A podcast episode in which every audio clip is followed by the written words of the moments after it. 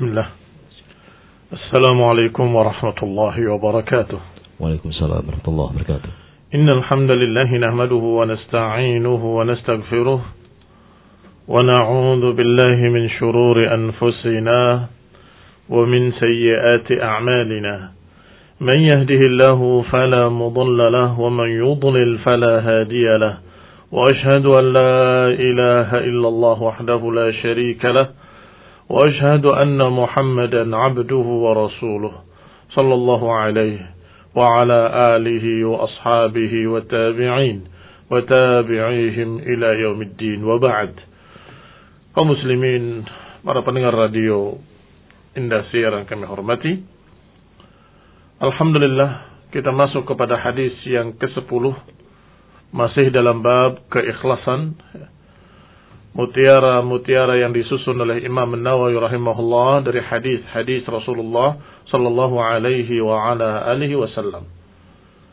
Hadis yang ke-10 ini diriwayatkan dari sahabat yang mulia Abu Hurairah radhiyallahu taala anhu. Qal qala Rasulullah sallallahu alaihi wa ala alihi wasallam. Salatul rajuli fi jama'atin تزيد على صلاته في سوقه وبيته بضعا وعشرين درجة. وذلك أن أحدهم إذا توضأ فحسن الوضوء ثم أتى المسجد لا يريد إلا الصلاة لا ينهزه إلا الصلاة لم يخطو خطوة إلا رفع له بها درجة وحط عنه بها خطيئة. حتى يدخل المسجد. فإذا دخل المسجد كان في الصلاة ما كانت الصلاة هي يحبسه وتحبسه. والملائكة يصلون على أحدكم. ما دام في مجلسه الذي صلى فيه يقولون اللهم ارحمه اللهم اغفر له اللهم تب عليه. ما لم يؤذي فيه ma lam yuhdits fi muttafaqun alaihi wa hadha lafdhu muslim. Ikhwani fillah para pendengar yang kami hormati disebutkan di dalam hadis ini keutamaan salat berjamaah di masjid. Dimulai dengan ucapan Rasulullah SAW salatul rajul fi jama'atin tazidu ala salatihi fi suqihi wa baitihi bid'an ashrina darajah. Diawali dengan kalimat kata Nabi alaihi salatnya seseorang bersama jamaah. Yang dimaksud tentunya di masjid. Tazidu ala salatihi. Lebih afdal, lebih tinggi pahalanya di atas salatnya yang sendirian di rumahnya atau di pasarnya, di tokonya bid'an wa ishrina darajah. 20 sekian kali lipat. Yani di atas salat sendiri 20 sekian derajat. Ikhwan ibn a'azakumullah para pendengar yang kami hormati, disebutkan di sini dengan kalimat bid'an. Bid'an itu sejumlah angka dari mulai 3 sampai 9. Sehingga saya terjemahkan sekian yakni 24 atau 25, 26, 27, 28 begitu. Sampai 29. Barakallahu fiikum maka saya terjemahkan dengan kalimat 20 sekian derajat. Kemudian dilanjutkan dengan kalimat Wadhalika anna ahadahum idha tawadda fa ahsana al-wudu. Yang demikian karena seseorang jika salah seorang kalian berwudu dengan baik di rumahnya, kemudian berangkat ke masjid, tidak menginginkan kecuali salat, dan tidak terdorong untuk berangkat ke masjid kecuali salat, lam yakhtu khutwatan illa rufi'a lahu biha darajah. Maka tidaklah satu langkah pun dia melangkah kecuali akan diangkat karenanya satu derajat dan akan dihapus karenanya satu kesalahan. Wa anhu biha khati'atan. Berarti kalau 100 langkah ada 100 derajat yang diberikan oleh Nabi oleh Allah SWT dan kemudian akan dihapus 100 kesalahan. Masya Allah. Apalagi lebih dari itu. Demikianlah setiap langkah sampai masuk ke masjid. Faidah dakhala al-masjid. Kalau dia sudah masuk ke masjid, masih ada keutamaan lain. Karena fi salah ma kanat salah ya tahbisuhu maka dia akan tetap dinilai sebagai orang yang salat selama salat itulah yang menahan dia di sana. Artinya ketika dia duduk menunggu salat dikumandangkan atau menunggu iqamat dikumandangkan, menunggu salat jamaah, sudah dinilai sebagai salat. Ini keutamaan besar. Di samping dilipatkan 27 derajat atau 20 sekian derajat, karena dalam riwayat lain 27 derajat, dalam lafaz ini disebutkan 20 sekian derajat. Juga ternyata masih ada keutamaan besar. Maka keutamaan inilah yang kita harapkan bahwa setiap orang yang ke masjid dan duduk di masjid menunggu salat dikatakan oleh Nabi kana fi salati makanatus salahiyah tahbisu dia akan tetap dianggap salat dan dinilai seperti orang yang salat selama dia menunggu salat karena salat itulah yang menahan dia. Ikhwanifidina azakumullah para pendengar yang kami hormati. Selanjutnya masih ada keutamaan yang Rasulullah sebutkan.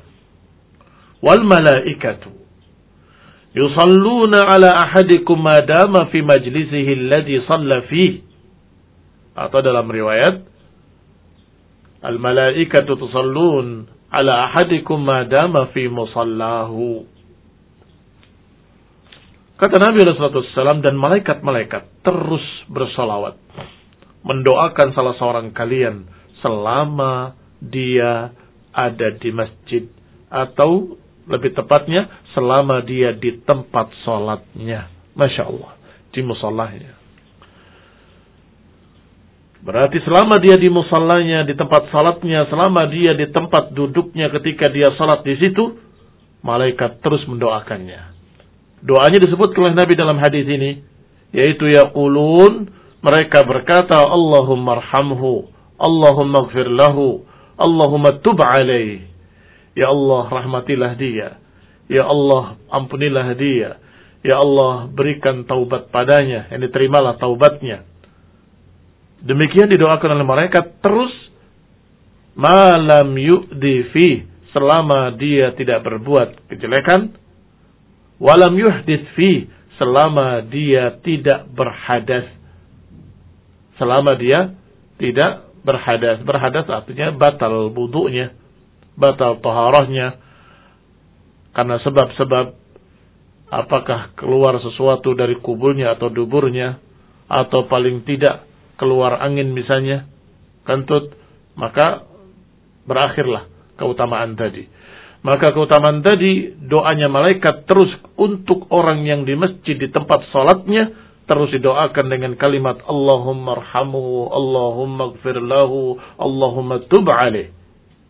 Hingga dia sampai yudihi atau batal wudhunya. Demikian sampai dia keluar dari masjid. Muttafaqun alaih. Hadis ini dikeluarkan oleh Bukhari dan Muslim. Mungkin ada pertanyaan, apa kaitannya hadis ini dengan keikhlasan? Apa kaitannya hadis ini dengan bab? Babnya bab keikhlasan dan ikhbarun niyah. Keikhlasan dan menghadirkan niat di dalam hati. Ternyata kita lihat di sini ada kalimat Thumma atal masjida la yuridu illa salah wa la yanhazuhu illa salah kemudian dia berangkat ke masjid, tidak menginginkan kecuali salat, dan tidak terdorong untuk berangkat ke masjid kecuali salat. Barakallahu fikum. Ini keikhlasan. Karena bisa jadi ada yang berjalan ke masjid, niatnya berbeda. Oh, ini si fulan pasti hadir di masjid. Saya mau bayar, mau nagih hutang sama dia. Kemudian dia berangkat semangat, lihat, wah nggak ada. Kurang ngajar. Besoknya ke masjid lagi. Mencari si fulan. Karena dia ingin menagih hutangnya pada dia. Ini berbeda nilainya. Barakallahu fikum. Demikian pula orang yang sekalian-sekalian biasanya tidak ke masjid. Kali ini dia berangkat ke masjid sekalian mau beli anu. Ya. Kalau saja tidak mau beli barang tadi, dia nggak ke masjid. Maka ini barakallahu fikum tentunya akan berbeda nilainya. Karena dikatakan dalam hadis pertama kita, innamal a'malu bin niyat wa innamal likulli imri'in manawa. Sesungguhnya setiap amal tergantung niatnya dan setiap orang akan mendapatkan apa yang diniatkannya. Niatnya cuma nagih utang, ya itu saja yang didapatkan. Tetapi kalau niatnya benar-benar karena salat, la yuridu illa salat, tidak menginginkan kecuali salat. Wala yanhazuhu illa salat, tidak menterdorong kecuali karena salat. Tidak mendorong dia menggerakkan dia untuk berangkat ke masjid kecuali salat. Maka inilah yang dimaksud. Orang yang ikhlas, yang murni karena Allah ingin salat dia ke masjid berjamaah sesuai dengan perintah Nabi Shallallahu Alaihi Wasallam, bahkan perintah Allah dalam Al-Quran. Ikhwan para pendengar radio Indah Siar yang kita hormati. Hukum salat berjamaah itu sebagian besar ulama menyatakannya wajib bagi laki-laki. Kalau perempuan lebih afdal di rumah. Tetapi laki-laki Allah perintahkan dengan perintah-perintah. Di antaranya warka'u ma'raqi'in. Rukuklah bersama orang-orang yang ruku. Ma'raqi'in. Demikian pula di dalam hadis Rasulullah SAW menyatakan dengan sekian banyak perintah-perintah bahkan ancaman. Kalau saja bukan karena wanita dan anak-anak ada di rumah, aku akan mengajak orang-orang untuk membakar rumah-rumah orang yang tidak pergi ke masjid. Hadis itu juga ma'ruf sahih. Yaitu ucapan Rasulullah sallallahu alaihi wa ala alihi wasallam, aku ingin untuk mengajak beberapa orang membawa kayu bakar dan kemudian membakar rumah-rumah orang yang tidak pergi ke masjid. Kalau saja tidak karena adanya wanita dan anak-anak. Jadi khawatir karena ada wanita dan anak-anak di rumah, maka beliau hanya mengatakan seperti itu sebagai penegasan keharusan sholat berjamaah di masjid. Bahkan Abdullah ibni Umi Maktum radhiyallahu taala anhu adalah seorang yang buta bertanya kepada Rasulullah SAW, Ya Rasulullah, aku orang yang buta. Antara rumahku dengan masjid melewati tempat yang rawan, banyak binatang buas. Aku khawatir begini, apakah boleh aku sholat di rumahku? Tadinya Nabi menyatakan dengan bahasa membolehkan. Tetapi kemudian dipanggil kembali. Dipanggil kembali, dan ditanya asami dan nida? Apakah engkau mendengar panggilan adzan dijawab iya aku mendengar panggilan adzan kata Nabi maka fa'ajibhu walau habwan. Kalau mendengar panggilan adzan datangilah walaupun dengan merangkak. Disebutkan dalam hadis itu rincian udur yang ada pada Abdullah bin Umi Maktum. Aku buta itu udur pertama Kedua, perjalanannya berbahaya. Ketiga, dia berkata bahwa aku ini butuh orang lain untuk menuntun. Dan seterusnya. Ternyata Nabi menjawabnya, kalau engkau mendengar azan, maka datangilah walaupun dengan merangkak. Bukankah kita tidak buta, tidak pincang? Bukankah kita rumahnya dekat dari masjid? Alhamdulillah, kita di Indonesia bersyukur karena masjid banyak. Di mana saja kita tinggal, mesti dekat dengan masjid. Masya Allah. Kalau jauh, maka batasannya adalah hal sami dan nida. Apakah engkau mendengar panggilan azan? Walaupun ada pendapat Syekh Ibn Uthaymin rahimahullah, mendengar azan itu azan yang tidak pakai speaker. Artinya, kalau mendengar azan yang tidak pakai speaker berarti dekat. Kalau tidak terdengar berarti jauh begitu. Itu pun kalau ada udur maksudnya. Barakallahu fiikum ala kulli hal kalau pakai speaker apalagi pakai radio kedengaran sampai seluruh penjuru ya. dari kota lain pun terdengar. Ya. Barakallahu fiikum alhamdulillah demikian apa yang bisa saya sampaikan yang jelas kita berkewajiban untuk ke masjid yakni bagi laki-laki tentunya dan keutamaannya sangat banyak di antara keutamaannya disebutkan oleh Rasulullah SAW di sini dan masih ada keutamaan-keutamaan lain yang tidak disebutkan tetapi disebutkan dengan ringkas oleh Nabi dengan kalimat bid'an wa ishrina darajah akan mendapatkan 27 derajat atau 20 sekian derajat keutamaan. Beberapa ulama seperti Ibnu Hajar di dalam Fathul Bari menyebutkan rincian. Apa saja sih 27 itu? Beliau berusaha untuk menghitungnya hampir 27 atau kurang lebih sekian. Apa saja? Kata beliau, kalau sholat ke masjid, berarti kita keluar rumah dan ada doa Bismillahirrahmanirrahim. Ada juga doa berangkat ke masjid. Allahumma ij'al fi qalbi nuran wa fi wajhi nuran ila akhirih. Kemudian ketika masuk ke masjid masih ada doa lagi Allahumma ftahli abwaab rahmatik di keutamaan pahala berikutnya Kemudian ketika keluar dari masjid juga ada doa keluar dari masjid. Allahumma inni as'aluka min fadlik. Kemudian ketika di masjid kamu mendengar bacaan imam. Kalau salat salat jahar itu juga keutamaan berikutnya. Kamu bertemu dengan saudara-saudaramu, Masya Allah. Silaturahmi, itu juga ketemu, keutamaan juga. Dan setelah itu masih ada keutamaan berikutnya Ketika dia dalam keadaan salat, dia Masya Allah tidak sendirian tapi bersama orang lain dan itu biasanya terjaga, terbantu untuk tidak lupa. Kalau sendirian kadang-kadang lupa, ini rokat berapa ya? Tapi kalau berjamaah, kamu lupa, ada imam yang menyatakan Allahu Akbar. Atau imamnya lupa, makmumnya akan berkata Subhanallah.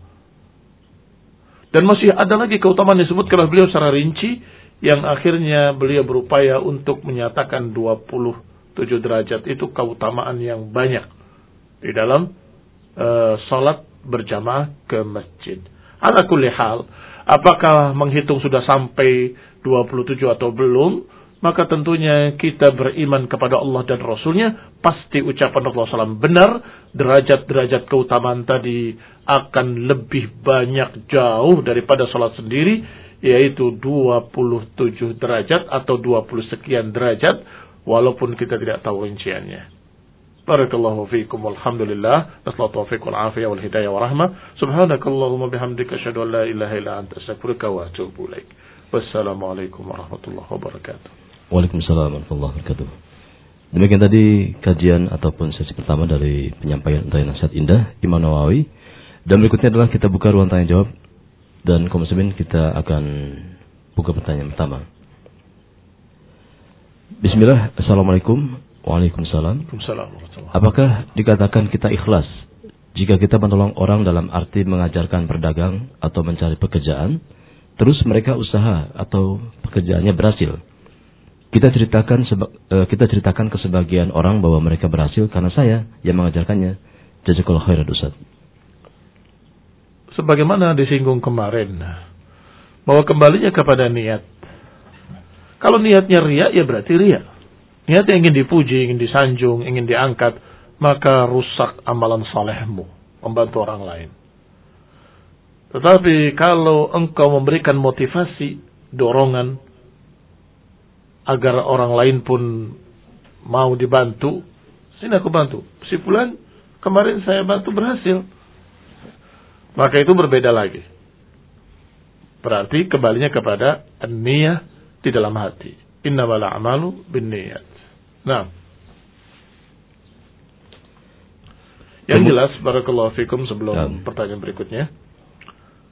Yang jelas, kalau diucapkan seperti itu, saya katakan rawan.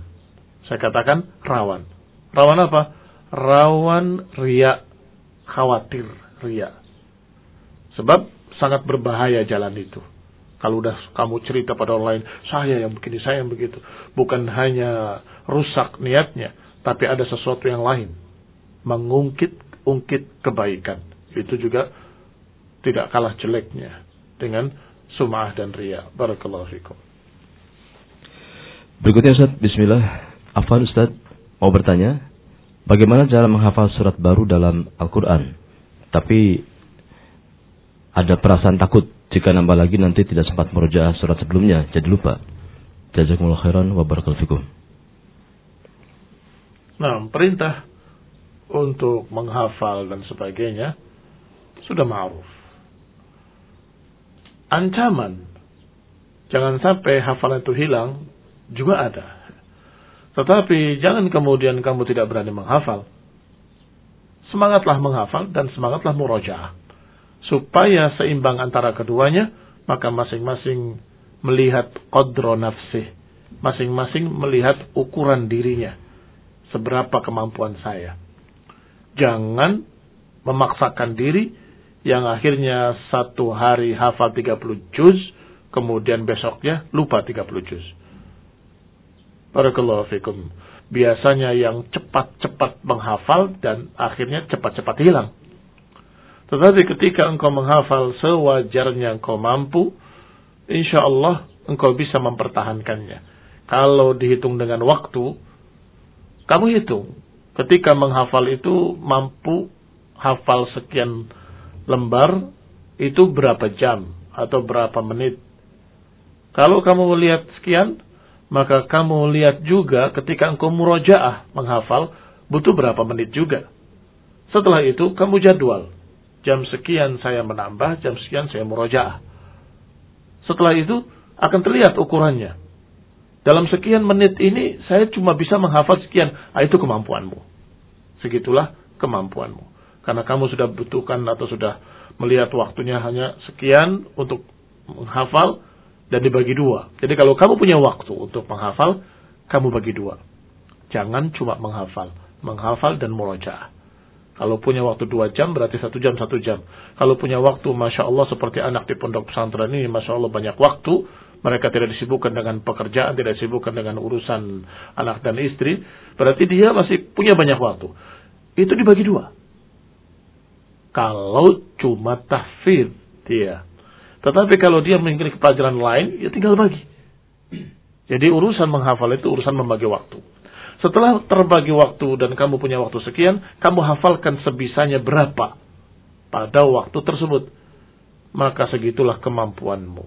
Barakallahu fikum. Khawatir kalau sampai melebihi kemampuan akan terjadi apa yang terjadi pada sekian banyak orang yaitu berterburu-buru ingin cepat akhirnya malah hilang semua. Sebagaimana disebutkan dalam pepatah, Man yabqa kullu fatu kullu. Siapa yang ingin seluruhnya, maka kehilangan seluruhnya.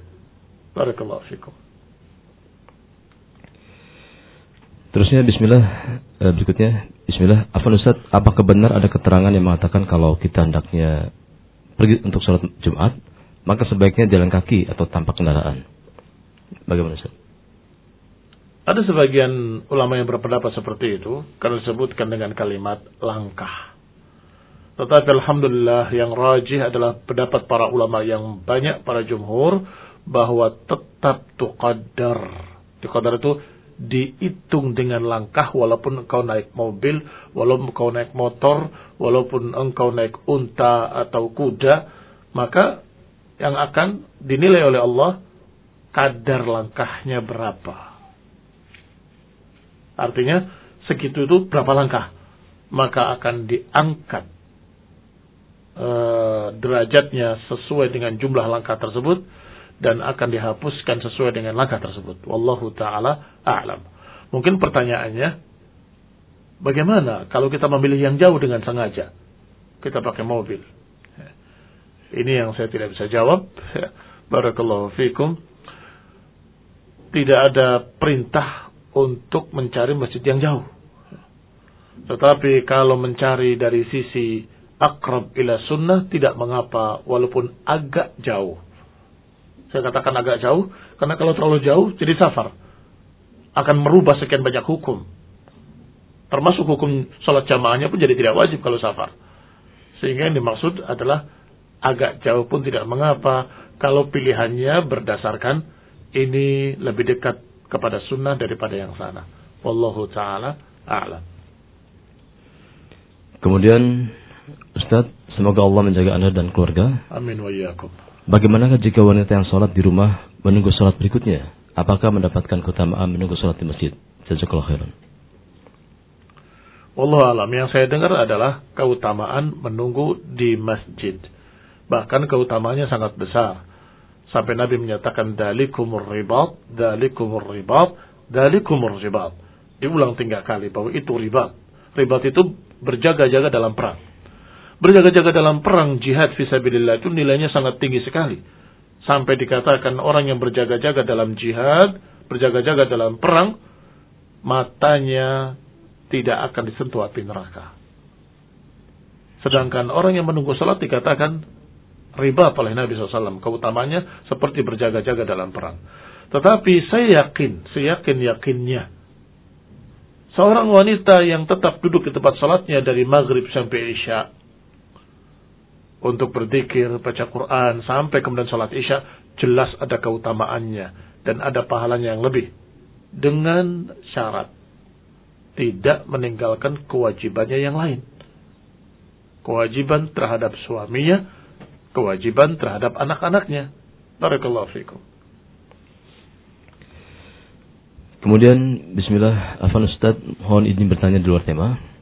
Kapan dinyatakan seorang mengkhidbah wanita, kemudian tidak boleh bagi orang lain untuk mengkhidbah wanita tersebut? Jazakumullah khairan wa barakallahu fikum. Iya, tidak boleh membeli apa yang sedang ditawar orang lain dan tidak boleh melamar seorang yang sedang dilamar orang lain. Itu adab seorang muslim pada muslim lainnya dan itu adalah yang diajarkan oleh Rasulullah SAW dalam sunnah. Hanya saja barakallahu fikum. Kalau dalam berdagang ada lelang namanya. Dan lelang juga cara dagang yang syar'i. Aku punya barang berapa kalian berani. Maka saat itu semua orang bisa untuk menyatakan dengan tawaran masing-masing. Seribu, kata yang satu, seribu seratus, seribu dua ratus sila akhirnya. Maka ini tidak mengapa. Yang tidak boleh adalah ketika orang sedang menawar hampir atau dalam keadaan sudah hampir jadi, kamu bisikkan pada penjualnya, aku akan beli lebih banyak. Aku akan beli dengan lebih mahal. Maka batal jual beli tadi. Atau sebaliknya, pembeli yang dibisikin, Jangan sama dia, sama saya saja. Saya punya, lebih bagus, lebih murah. Ini juga tidak boleh. Itu adab yang jelek. Barakallahu fikum. Adapun masalah melamar seseorang dalam keadaan apakah dia sedang melamar seseorang dan mereka sedang bermusyawarah dan beristikharah untuk menjawabnya. Tiba-tiba kamu datang. Kemudian mengatakan, aku akan menikahimu. Jangan sama dia. Ini yang tidak boleh. Barakallahu fikum. Tetapi kalau baru isyarat-isyarat saja belum lamaran, belum meminta, maka ini masih memungkinkan orang lain juga bertanya-tanya tentangnya. Bagaimana keadaannya, sifatnya, bertanya-tanya pada orang tuanya atau pada saudara-saudaranya, belum meminta Barakallahu fikum. Kemudian Allahu alam. Kemudian Ustaz, pertanyaan berikutnya. Bismillah, Assalamualaikum Ustaz. Afan mau bertanya, kalau berjualan online berupa hewan, otomatis si pembeli mau melihat gambarnya. Jadi apa hukumnya? Jazakallahu khairan. Penjualan online barakallahu fikum banyak masalah di dalamnya. Sehingga kalian harus betul-betul mempelajari tentang hukum-hukum jual beli. Di antaranya yang sering terluput dari kita, yang terlalai dari kita, sering kali adalah tentang masalah al-qabdah. Al-qabdah itu penguasaan barang. Dia lihat di internet ada yang jual dengan murah, dan lihat di internet juga ada orang yang membeli ingin membeli dengan mahal, maka dia ambil dari sini kirim ke sana. Dia nggak pernah megang barangnya sama sekali. Itu ada cacat dalam jual belinya karena tidak ada penguasaan barang. Yang kedua tentang masalah gambar. Bagaimana kalau jual belinya kambing kurban Barakallahu fiikum. Dalam hal ini hukum asalnya gambar-gambar itu haram, gambar-gambar makhluk hidup. Sehingga kalau sudah dipotong kepalanya, maka itu bukan lagi gambar. Sehingga berusahalah untuk menghindari sesuatu yang haram. Yaitu gambar tadi. Kalau bisa dipotong kepalanya, dalam artian tidak terfoto kepalanya, hanya badannya saja terlihat gemuk. Silahkan. Tetapi kalau mereka juga pasti akan tanya, bahwa ini kambingnya bertanduk atau tidak. Ala kulli hal, beberapa ulama mengecualikan sang foto adalah untuk syahadah. Syahadah itu persaksian, pembuktian. Seperti ketika ada penjahat yang berbahaya diumumkan, dicari, wanted, ya, ada gambarnya, itu boleh. Atau dalam keadaan membuktikan bahwa punya saya ini lebih bagus, ini gambarnya. Dan begitulah dikatakan dengan pembuktian-pembuktian. Barakallahu fikum. Di antaranya adalah pendapat Syekh bin Baz rahimahullahu taala tentang pengecualian gambar pada syahadah, pada persaksian-persaksian atau pembuktian-pembuktian. Maka kalau masuk ke sini, silakan. Tetapi syarat syaratnya tadi sudah tidak ada cara lain kecuali itu. Kalau sudah ada cara lain, mengapa kita harus mengambil uzur? Jadi mengapa kita harus mengambil rukhsah maksud saya? Rukhsah itu ketika darurat, ketika tidak ada jalan lain. Kalau orangnya dekat di sana, hanya 100-200 meter, ya datang saja ke sini, lihat barangnya. Lihat kelinci saya, lihat burung peliharaan saya, lihat. Lihat sendiri, sehat atau tidak sehat. Karena kadang-kadang gambarnya bagus, tetapi tidak sehat. Apakah bisa dilihat sehat atau tidak sehat dari gambar? Gambarnya bagus sekali, gagah hewan kurbannya. Tetapi ketika sudah oke, okay, udah sepakat, ternyata lemes sekali dia nggak bisa berdiri. Ada sesuatu pada dirinya. Ini kan masalah. Sehingga barakallahu fikum itu pada perkara-perkara yang sifatnya darurat, tidak ada cara lain karena yang namanya darurat itu tuqaddar biqadariha. Yang namanya darurat itu sekadar daruratnya saja. Kalau terpaksa betul, kalau ada cara lain, maka tidak ada lagi darurat. Barakallahu fikum. Baik kaum muslimin di mana pun anda berada telah uh, habis waktu untuk kita ikuti untayan nasihat indah Imam Nawawi dan ruang tanya jawab bersama al Muhammad bin Marsawid Abdul Tama. Untuk itu sampai di sini saja acara ini dan semoga akan memberikan manfaat bagi anda semuanya dan jazakumullah khairan atas kebersamaan anda dan juga atensi anda dalam pertanyaan-pertanyaan dan kami ucapkan juga jazakumullah khairan kepada al Muhammad atas uh, kehadirannya memberikan tausiah dan menjawab pertanyaan. Kaum muslimin, mohon maaf atas salah dan kurangnya. Semoga memberikan manfaat yang besar bagi kita semuanya. Wassalamualaikum Muhammadin walhamdulillahirabbil Subhanakallahumma bihamdika asyhadu alla ilaha anta astaghfiruka wa atubu ilaik. Wassalamualaikum warahmatullahi wabarakatuh.